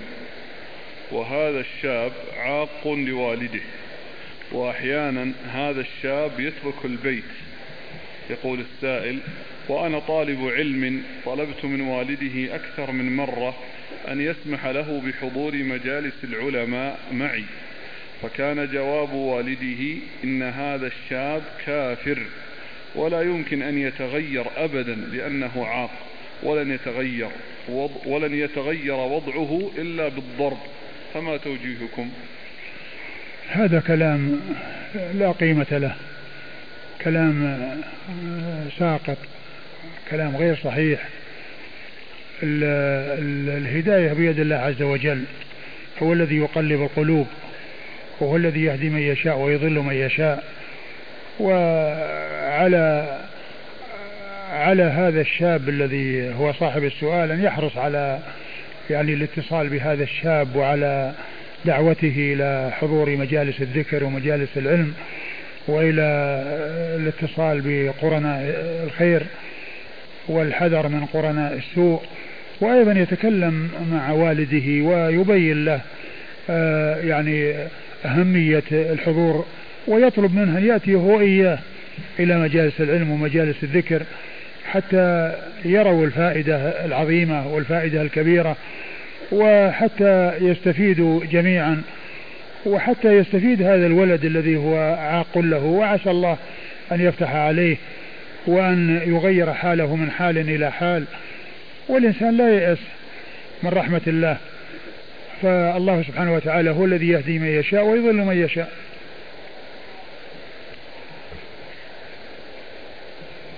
هل ورد في تمر المدينة عجوة المدينة من أثر عن رسول الله صلى الله عليه وسلم؟ وهل صحيح أنها علاج للسحر؟ هو ورد في حديث عن رسول الله صلى الله عليه وسلم فيها آه، ألفاظ فيها مطلقة يعني وفيها ألفاظ أنه من تمر العجوة وجاء في ذلك أنه آه، إذا تصبح بسبع ثمرات يعني عجوة لم يعني يضره سحر يعني في ذلك اليوم. فهو وقاية يعني هذا يعني يدل على أن هناك أمور تتخذ للوقاية يعني من الأشياء ومن الأمراض ومن الأشياء التي تحصل في المستقبل والذي يكون فيه مناعة يعني تمنع من وقوع ذلك وكلها بإذن الله وكلها بمشيئة الله وإرادته. والله تعالى قدر الأسباب وقدر المسببات. فهذا يدلنا على أن تعاطي مثل هذه يعني هذه التمرات يعني صباح كل يوم أنها تكون وقاية من ذلك الذي ذكره رسول الله صلى الله عليه وسلم الذي هو السحر. وكذلك أيضا هي في هذا دليل على أن التطعيم والتلقيح ضد أمراض مستقبلة أو أمراض يعني يخشى منها في المستقبل أن ذلك سائق وأنه لا بأس به وهذا الحديث يدل عليه.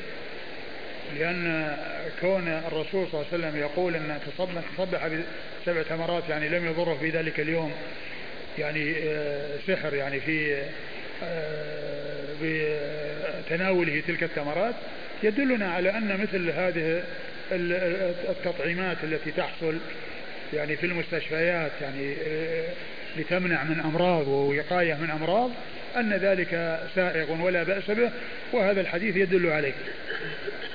أمر مطلق ولا مخصص؟ هو الذي ورد في العجوة. لكن الإنسان إذا ما تمكن من ذلك وأكل من التمرات يعني بناء على ما جاء في بعض الأحاديث المطلقة يرجى إن شاء الله أن يكون في ذلك الفائدة. ما الحكم إذا قال لي أحد في بلادي بلغ سلامي للنبي صلى الله عليه وسلم؟ إذا قال لك أحد في بلادك بلغ سلامي إلى الرسول صلى الله عليه وسلم فأنت ترشده وتقول له أنت أكثر من الصلاة والسلام على رسول الله صلى الله عليه وسلم والملائكة تبلغه إياه. كما قال عليه الصلاة والسلام إن لله ملائكة سياحين يبلغوني عن أمة السلام. وقال عليه الصلاة والسلام لا تجعلوا بيوتكم قبورا ولا تتخذوا قبري عيدا وصلوا علي فإن صلاتكم تبلغني حيث كنتم. يعني معنى هذا أن الملائكة تبلغ السلام إلى الرسول صلى الله عليه وسلم من أماكن بعيدة. ولهذا آه، ذكر أن علي بن الحسين رحمة الله عليه رأى رجلا يأتي إلى فرجة عند قبر النبي صلى الله عليه وسلم ويدعو ويعني فقال له ألا أحدثك حديثا سمعته عن أبي عن جدي عن رسول الله صلى الله عليه وسلم؟ وقال لا تتخذوا قبري عيدا. فلا تجعلوا بيوتكم قبورا. وصلوا علي فإن صلاتكم تبلغنا هذا كنتم. قال له ما أنت ومن بالأندلس إلا سوا. يعني معناه أن الملائكة هي التي تبلغ وأن الإنسان يكثر من الصلاة والسلام على رسول الله عليه الصلاة والسلام والملائكة تبلغ الرسول عليه الصلاة والسلام. فأنت عندما يأتي أحد ويقول لك هذا الكلام تقول له صلي وسلم على رسول الله عليه الصلاة والسلام وأكثر من الصلاة والسلام عليه وإن والملائكة تبلغه كما جاء ذلك عن المصطفى صلوات الله وسلامه وبركاته عليه. وهذا سؤال آخر ما حكم التبرك بجدران حجرة النبي صلى الله عليه وسلم؟ هذا من الأمور المحدثة والأمور المنكرة لأن الجدران يعني كما هو معلوم الجدران الحقيقية التي هي جدران حجرته لما كان التي بناها رسول الله صلى الله عليه وسلم. كانت موجودة وما كان الصحابة يعني يفعلون ذلك وما كانوا يتمسحون بها. ما كانوا يتمسحون بها. وهذه الجدران آه، جدران جديدة. يعني آه، لم يبنها رسول الله صلى الله عليه وسلم ولم يمسها يعني تمسها يده عليه الصلاة والسلام. وكونها قريبة من من قبره صلى الله عليه وسلم آه، لا يعني يقتضي أن الإنسان يأتي ويتورك بها وإنما البركة تطلب من الله عز وجل. والإنسان إذا جاء القبر الشريف يسلم على رسول الله عليه الصلاة والسلام ويدعو له ويسلم على رسول الله عليه الصلاة والسلام ويدعو له ولا يعني يدعو رسول الله صلى الله عليه وسلم ولا يطلب منه أشياء ولا يتمسح بالجدران والشبابيك. ولا يتمسح بالجدران والشبابيك. فإن الله عز وجل لم يشرع لنا أن نمسح جدران أو شبابيك أو حجارة إلا موضعين في الأرض. أحدهما الحجر الأسود والثاني الركن اليماني. الحجر الأسود في الكعبة نقبله ونمسحه نستلمه. والركن اليماني نمسحه بأيدينا ولا نقبله لأن السنة جاءت بهذا.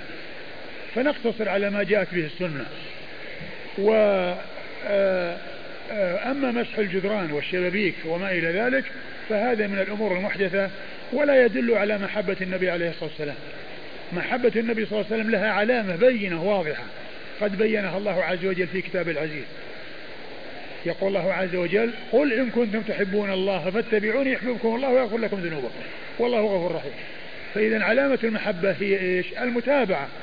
وليست علامة المحبة مسح الجدران والشبابيك فإن الجدران والشبابيك يمسحها أناس يعني ليسوا من أهل التقوى وليسوا من أهل الإيمان. يعني يمسحها يعني أناس يعني عندهم محاربة لله ولرسوله صلى الله عليه وسلم.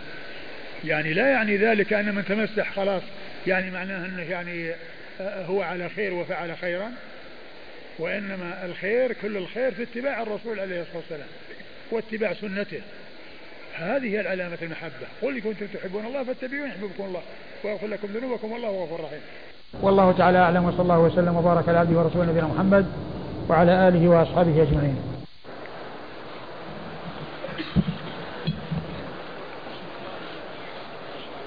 بسم الله الرحمن الرحيم. الحمد لله رب العالمين والصلاة والسلام على عبد الله ورسوله. نبينا محمد وعلى آله وصحبه أجمعين. أما بعد قال الإمام أبو داود السجستاني رحمه الله تعالى باب الصلاة على النبي صلى الله عليه وآله وسلم بعد التشهد. قال حدثنا حفص بن عمر قال حدثنا شعبة عن الحكم عن ابن أبي ليلى عن كعب بن عجرة رضي الله عنه أنه قال قلنا أو قالوا يا رسول الله أمرتنا أن نصلي عليك وأن نسلم عليك فأما السلام فقد عرفناه فكيف نصلي عليك؟ قال قولوا اللهم صل على محمد وآل محمد كما صليت على إبراهيم وبارك على محمد وآل محمد كما باركت على آل إبراهيم إنك حميد مجيد. بسم الله الرحمن الرحيم الحمد لله رب العالمين وصلى الله وسلم وبارك على عبده ورسوله نبينا محمد وعلى آله وأصحابه أجمعين أما بعد فقد حصل البدء بهذه الترجمة في آخر الدرس الماضي ومر ذكر هذا الحديث الذي هو حديث كعب بن عجرة رضي الله تعالى عنه وعرفنا ما يتعلق بقول اللهم وأنها يا الله حذفت ياء النداء وعوض عنها الميم بعد الله.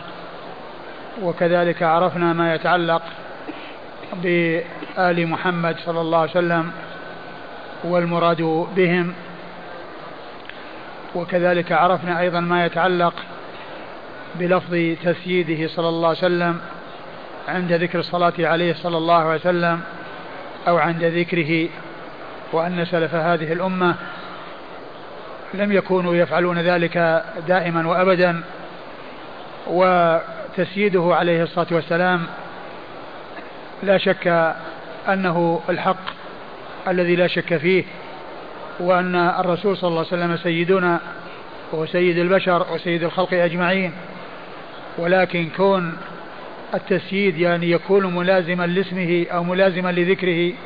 هذا من الأمور المحدثة التي جاءت بعد أزمان متأخرة بعد أزمان أو بعد بعد القرون الأولى. وذلك كما أشرت في الدرس الماضي أننا نجد الأحاديث الكثيرة في الصحيحين وفي غيرهما كلها تنتهي إلى رسول الله صلى الله عليه وسلم. والراوي يقول قال رسول الله صلى الله عليه وسلم أو, أو سمعت رسول الله صلى الله عليه وسلم وليس فيها سيدنا, سيدنا رسول الله صلى الله عليه وسلم دائما وأبدا. فاستعمال ذلك بصفة دائمة هذا من الأمور المحدثة التي لم تكن في زمن الصحابة وإطلاق السيادة على نبينا محمد عليه الصلاة والسلام حق لا شك فيه وهو سيد الخلق وهو سيد الناس في الدنيا والآخرة وقد قال عليه الصلاة والسلام أنا سيد ولد آدم يوم القيامة ولا فخر وقال أنا سيد الناس يوم القيامة. و آه، ومن الأمور المتعلقة بالصلاة على النبي صلى الله عليه وسلم حكمها في الصلاة فإن جمهور العلماء على أنها مستحبة بعد الإتيان بالتشهد.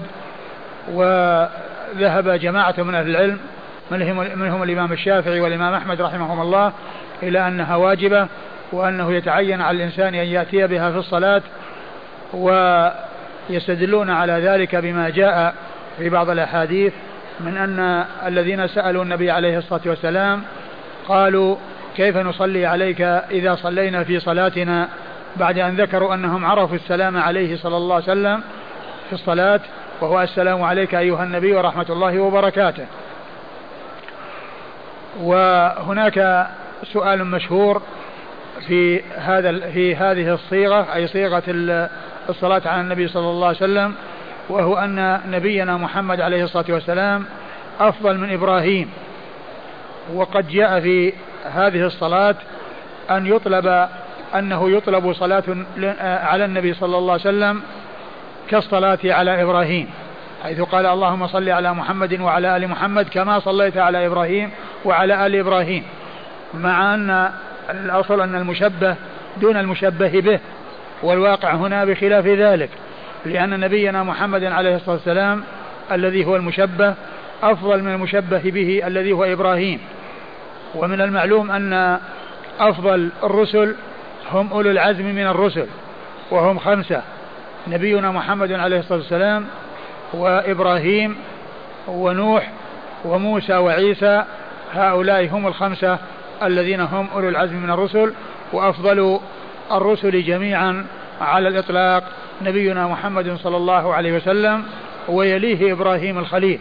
وكل من نبينا ومحمد عليه الصلاة من, من نبينا محمد صلى الله عليه وسلم وإبراهيم آه، هو خليل خليل للرحمن. وقد قال عليه الصلاة والسلام إن الله اتخذني خليلا كما اتخذت كما اتخذ إبراهيم خليلا. ولو كنت متخذا من أمتي خليلا لاتخذت أبا بكر خليلا. فصفة الخلة ثبتت لاثنين من رسل الله هما نبينا محمد عليه الصلاة والسلام وإبراهيم الخليل عليه الصلاة والسلام. السؤال الذي آه، اشتهر آه، عند ذكر هذا الحديث كيف آه، طلب للنبي صلى الله عليه وسلم صلاة كالصلاة على إبراهيم مع أن ومن المعلوم أن المشبه دون المشبه به ولكن الواقع هنا أن المشبه أفضل من المشبه به إبراهيم علي نبينا محمد عليه الصلاة والسلام أفضل من إبراهيم. وقد أجاب العلماء عن ذلك بأجوبة. أحسنها جوابان أو ثلاثة. أحدها أحد هذه الأجوبة أن أن قوله صلى الله صلى الله عليه وسلم في هذا الدعاء اللهم صل على محمد وعلى آل محمد كما صليت على إبراهيم وعلى آل إبراهيم أن محمدا وآله يقابلهم إبراهيم صلى الله عليه وسلم وآله ومن المعلوم أن آل إبراهيم فيهم الأنبياء فيهم الأنبياء بخلاف آل نبينا محمد عليه الصلاة والسلام. فإنه لا نبي بعد رسول الله عليه الصلاة والسلام. واذا فالذي يكون لإبراهيم صلى الله عليه وسلم وآله إذا أعطي لنبينا محمد صلى الله عليه وسلم وآله وآل إبراهيم فيهم الأنبياء لأن كل الأنبياء من بعد إبراهيم هم من ذريته. كل الأنبياء من بعد إبراهيم من ذريته عليه الصلاة والسلام. فإذا ما يكون لإبراهيم وآله وفيهم الأنبياء الكثيرون يكون لنبينا محمد صلى الله عليه وسلم وآله فيأخذ آل محمد ما يناسبهم وما يليق بهم والباقي يبقى لنبينا محمد صلى الله عليه وسلم فيكون آه، آه، الحظ الأكبر والنصيب الأكبر له صلى الله عليه وسلم. ثم أمر آخر وهو أن نبينا محمد صلى الله عليه وسلم هو من آل إبراهيم لأنه من آل إبراهيم. فإذا يكون له نصيبه من كونه من آل إبراهيم مع ما طلب له فيكون له الذي طلب له ونصيبه من آل إبراهيم. فيكون آه، آه، بهذا الأمر واضحا أن المشبه آه، أعلى من المشبه به وأكثر حظا من المشبه به. والأمر الثالث أن يقال أنه ليس المطلوب صلاة تشبه صلاة وإنما المقصود أن أن أن الصلاة حصلت لآل لإبراهيم وآله والمطلوب حصول الصلاة لنبينا محمد صلى الله عليه وسلم وآله من غير أن يكون هناك يعني آه، مقارنة ومماثلة فيما يتعل فيما يحصل به كل منه من الثواب. أي أن المقصود هو آه، أن الصلاة حصلت على إبراهيم وآله فيطلب أن تحصل على نبينا محمد صلى الله عليه وسلم وآله. لأن قوله اللهم صل على محمد وعلى آل محمد طلب. كما صليت على إبراهيم يعني أنه قد صلى على إبراهيم ووجدت الصلاة على إبراهيم. فإذا ليس المقصود آه تشبيه آه كون المشبه دون المشبه به وإنما المقصود أن هو تشبيه أصل الصلاة بأصل الصلاة وليس آه وليس تشبيه الصلاة الحاصلة للرسول صلى الله عليه وسلم بالصلاة الحاصلة لإبراهيم ونبينا محمد صلى الله عليه وسلم أفضل من إبراهيم. إذا المقصود تشبيه أصل الصلاة بأصل الصلاة لا مقدار الصلاة التي تحصل لهذا والتي تحصل لهذا. هذا هو من أحسن ما قيل في الأجوبة التي أجيب بها عن السؤال الذي أورد على هذا الحديث. وكما ذكرت في درس مضى إن هذه الصيغة وردت أو في الدرس الماضي أن هذه الصيغة وردت آه، أي الصلاة الإبراهيمية على صيغ مختلفة ولكن أكملها الصيغة التي فيها الجمع بين نبينا محمد صلى الله عليه وسلم وآله وإبراهيم صلى الله عليه وسلم وآله التي هي اللهم صل على محمد وعلى آل محمد كما صليت على إبراهيم وعلى آل إبراهيم إنك حميد مجيد. اللهم بارك على محمد وعلى آل محمد كما باركت على إبراهيم وعلى آل إبراهيم إنك حميد مجيد. ففيه الجمع بين نبينا محمد عليه الصلاة والسلام وآله وإبراهيم صلى الله عليه وسلم وآله. هذا هو أو هذه الصيغة الأكمل والصيغة الأتم والأفضل. وحديث كعب بن عجرة الذي أورده أبو داود هنا آه، ليس على الصيغة الأكمل والأتم لأن فيه اللهم صل على محمد وعلى آل محمد كما صليت على إبراهيم إنك حميد مجيد. ما قال في الصلاة آل إبراهيم؟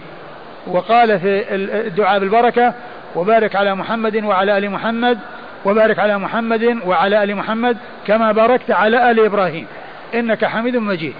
ولم يذكر إبراهيم.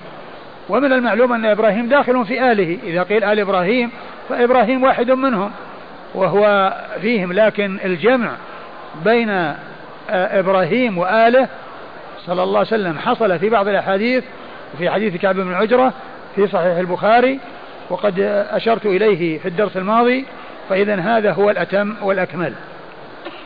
ثم أيضا يعني مما ذكره أهل العلم في هذا أن هذه الصيغة التي هي اللهم صل على محمد وعلى آل محمد كما صليت على إبراهيم وعلى آل إبراهيم هي أفضل كيفية للصلاة على نبينا محمد صلى الله عليه وسلم. أفضل كيفية.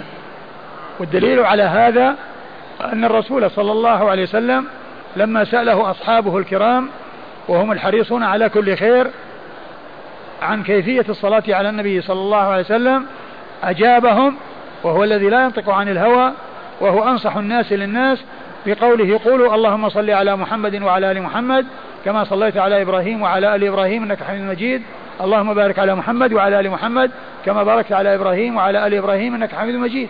فلو كان هناك صيغة أفضل منها وأتم منها وأكمل منها لبينها أنصح الناس للناس لخير الناس الذين سألوه الذين سألوه هذا السؤال سألوه عن الكيفية فلو كان هناك صيغة أتم منها وأفضل منها وأحسن منها لبينها الصادق المصدوق صلى الله عليه وسلم فلما أجابهم على سؤالهم بهذا الجواب عرف أنه أتم جواب وأفضل جواب وأنه أتم وأنها هذه الهيئة هي أتم صلاة على رسول الله عليه الصلاة والسلام.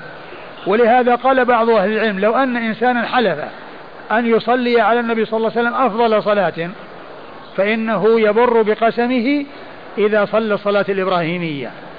وذلك أن النبي عليه الصلاة والسلام هو الذي قالها وهو الذي تكلم بها وهو الذي علمها أصحابه وهم الحريصون على كل خير.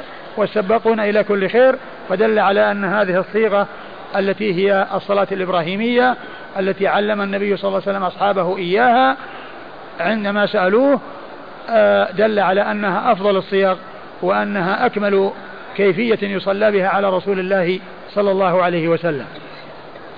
ثم أيضا قيل إن إبراهيم إنما خص بالذكر دون غيره ذلك لأن إبراهيم عليه الصلاة والسلام هو أفضل الرسل بعد نبينا محمد عليه الصلاة والسلام. ليس هناك أفضل من إبراهيم بعد نبينا محمد عليه الصلاة والسلام. فأفضل الرسل على الإطلاق نبينا محمد عليه الصلاة والسلام. ويليه إبراهيم. وأيضا هو أبوه. إبراهيم أبوه. هو جده. ثم أيضا ال ال ال جاء في القرآن أمر النبي صلى الله عليه وسلم بأن يتبع ملة إبراهيم الحنيفية. فهذا هو السر أو لعل هذا هو السر في كون إبراهيم هو الذي ينص عليه دون غيره من رسل الله الكرام عليهم الصلاة والسلام. نعم. قال حدثنا حفص بن عمر. حدثنا حفص بن عمر. حفص بن عمر ثقة أخرج حديثه البخاري وأبو داود والنسائي. عن شعبة. عن شعبة بن الحجاج الواسطي ثم البصري وهو ثقة أخرج له أصحاب الكتب الستة. عن الحكم. عن الحكم بن عتيبة الكندي الكوفي وهو ثقة أخرج له أصحاب الكتب الستة. عن ابن أبي ليلى عن ابن أبي ليلى وهو عبد الرحمن بن أبي ليلى. عبد الرحمن بن أبي ليلى وهو ثقة أخرج له أصحاب الكتب الستة. وابن أبي ليلى هو عبد الرحمن. وهناك شخص آخر اشتهر بابن أبي ليلى وهو ابنه محمد وهو يعني آه ضعيف. يعني فيه كلام. يعني في عند المحدثين وهو المشهور في كتب الفقه إذا قيل هو ابن أبي ليلى أو قال به ابن أبي ليلى آه المقصود به محمد بن عبد الرحمن. وأما أبوه عبد الرحمن الذي معنا في هذا الإسناد الذي يروي عنه الحكم بن عتيبة ويروي هو عن كعب بن عجرة فهو تابعي ثقة أخرج له أصحاب الكتب الستة. عن كعب. عن كعب بن عجرة رضي الله عنه وهو, صحابي جليل أخرج له أصحاب الكتب الستة. قال حدثنا مسدد قال حدثنا يزيد بن زريع قال حدثنا شعبة بهذا الحديث قال صل على محمد وعلى آل محمد كما صليت على آل إبراهيم. ثم ورد طريقا أخرى يعني آه عن آه كعب بن عجرة وفيها اللهم صل على صل على محمد وآل محمد. صل على محمد وعلى وآل محمد. نعم. كما صليت على إبراهيم وعلى آل إبراهيم. كما صليت على آل إبراهيم. كما صليت على آل إبراهيم. صل على محمد وآل محمد كما صليت على آل إبراهيم. وهذه يعني تخالف الطريقة السابقة لأن الطريقة السابقة كما صليت على إبراهيم بالنسبة للصلاة. لأنه ذكر إبراهيم دون آله. وأما بالنسبة للدعاء بالبركة فقد جاءت في الطريقة السابقة يعني منصوصا على آل إبراهيم ولم ينص على إبراهيم وهو داخل في آل إبراهيم. وهو داخل فيهم. لكن الفرق بين هذه الرواية والسابقة أن الرواية أن الرواية الثانية فيها ذكر آل إبراهيم في الصلاة على النبي صلى الله عليه وسلم. يعني ليس كما مر بالنسبة للدعاء بالبركة فقط أن آل إبراهيم جاءوا في الدعاء بالبركة بل جاء في رواية أخرى عن كعب بن عجرة أيضا آل إبراهيم عند ذكر الصلاة على النبي صلى الله عليه وسلم وآله ثم على آل إبراهيم. فتكون بذلك مثل آه، آه، الرواية السابقة بالنسبة للبركة. يعني اللهم صل على محمد وعلى آل محمد كما صليت على آل إبراهيم. إنك حميد. مجيد اللهم بارك على محمد وعلى آل محمد كما باركت على آل إبراهيم. فيكون الآل ذكر مرتين في هذه الرواية. أما الرواية السابقة ففيها ذكر إبراهيم عند ذكر الصلاة وذكر آل إبراهيم عند ذكر الدعاء بالبركة. قال حدثنا مسدد. حدثنا مسدد بن مسرهد البصري ثقة. أخرج له البخاري وأبو داود والترمذي والنسائي. عن يزيد بن زريع. عن يزيد بن زريع وهو ثقة أخرج له أصحاب الكتب الستة. عن شعبة. عن شعبة وقد مر ذكره. قال حدثنا محمد بن العلاء قال حدثنا ابن بشر عن مس عن مسعر عن الحكم بإسناده بهذا قال اللهم صل على محمد وعلى آل محمد كما صليت على إبراهيم إنك حميد مجيد. اللهم بارك على محمد وعلى آل محمد كما باركت على آل إبراهيم إنك حميد مجيد. ثم أورد طريقا أخرى لحديث كعب بن عجرة وهي مطابقة للطريق الأولى لأن فيها ذكر الصلاة على النبي صلى الله عليه وسلم وآله والصلاة على إبراهيم. وذكر الدعاء بالبركة لنبينا محمد صلى الله عليه وسلم وآله ولآل إبراهيم. كما صليت على آل إبراهيم. فهذه الرواية مثل الرواية الأولى التي صدر بها المصنف الحديث. صدر بها الباب. نعم. قال حدثنا محمد بن العلاء. محمد بن العلاء بن كريب البصري وهو أبو كريب ثقة أخرج له أصحاب الكتب الستة. عن ابن بشر. عن ابن بشر وهو محمد بن بشر وهو ثقة أخرجه أصحاب الكتب الستة. عن مسعر عن مسعر بن كدام وهو ثقة. أخرج له أصحاب الكتب الستة. عن الحكم بإسناده بهذا. عن الحكم عن عبد الرحمن بن أبي ليلى عن كعب بن عجرة. نعم. وقد مر ذكر الثلاثة.